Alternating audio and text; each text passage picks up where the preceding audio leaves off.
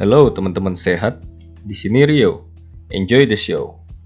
Episode 4. Kurus tapi buncit. Ini solusinya. Nah, teman-teman, ada beberapa teman saya yang bertanya nih, gimana sih cara biar gak buncit? Padahal kelihatannya kurus, tapi di bagian perut kok besar sendiri ya. Nah, jadi penyebab perut buncit itu sebetulnya sederhana. Dia di perut buncitnya itu terdapat penumpukan lemak yang berlebih disebabkan oleh kelebihan kalori yang dimakan dibanding yang dibutuhkan oleh tubuh nih. Nah, bagian tubuh pertama yang akan menyimpan kelebihan kalori tersebut yang biasanya berupa lemak itu biasanya di perut. Lalu setelah terjadi penumpukan lemak di perut, biasanya di paha juga jadi besar. Lalu biasanya juga ada di lengan juga nih. Jadi sederhananya kalau perut buncit itu merupakan awal mula kita menjadi gendut. Teman-teman pernah dengar dong tentang kalori? Nah, sebenarnya berapa sih kebutuhan kalori rata-rata setiap orang? Sebenarnya kebutuhan kalori rata-rata setiap orang itu berbeda-beda ya, tergantung berat badan, jenis kelamin, dan lain-lain. Cuman rata-ratanya sih pria biasanya kurang lebih seharinya membutuhkan 2500 kalori Sedangkan untuk wanita kurang lebih 2000 kalori.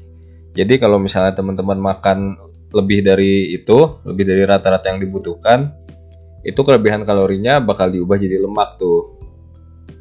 So, gimana caranya buat ngilangin buncitnya nih? Jadi prinsipnya itu simple ya. Uh, yang pertama itu mengurangi jumlah kalori yang dimakan sampai di bawah rata-rata kebutuhan tubuh masing-masing. Nah, yang kedua itu biasanya kita tambah dengan olahraga supaya pembakaran kalorinya terjadi lebih banyak. Jadi ibaratnya pemasukan dan pengeluaran ya. Kalau misalnya pemasukan itu kita makan makanan, kalau pengeluaran itu salah satunya dengan olahraga. Jadi kita harus mengeluarkan kalori lebih banyak dibanding yang kita makan. Oke, Teman-teman pasti nanya nih, olahraga apa sih yang paling bagus buat ngatasin perut buncit?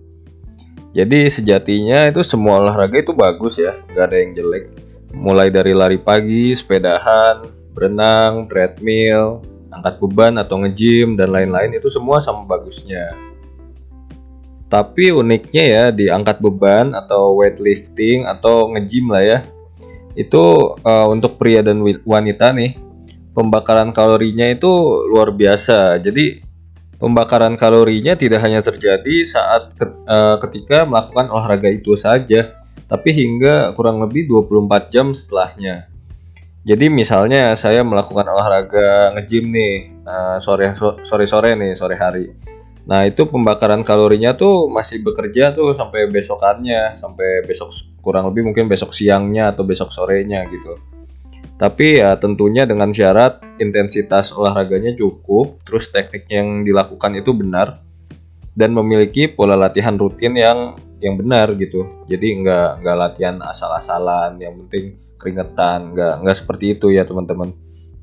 Nah tapi bukan berarti olahraga lainnya jelek loh ya. Semua olahraga akan menghasilkan hasil yang baik nih dibanding yang tidak olahraga sama sekali. Itu udah jelas ya makanya setiap fitness fitness coach gitu pasti menyarankan olahraga yang rutin ya seminggu mungkin bisa 3 sampai 5 kali supaya cepat pembakaran kalorinya, pembentukan badan dan pembentukan ototnya itu terjadi secara bersamaan.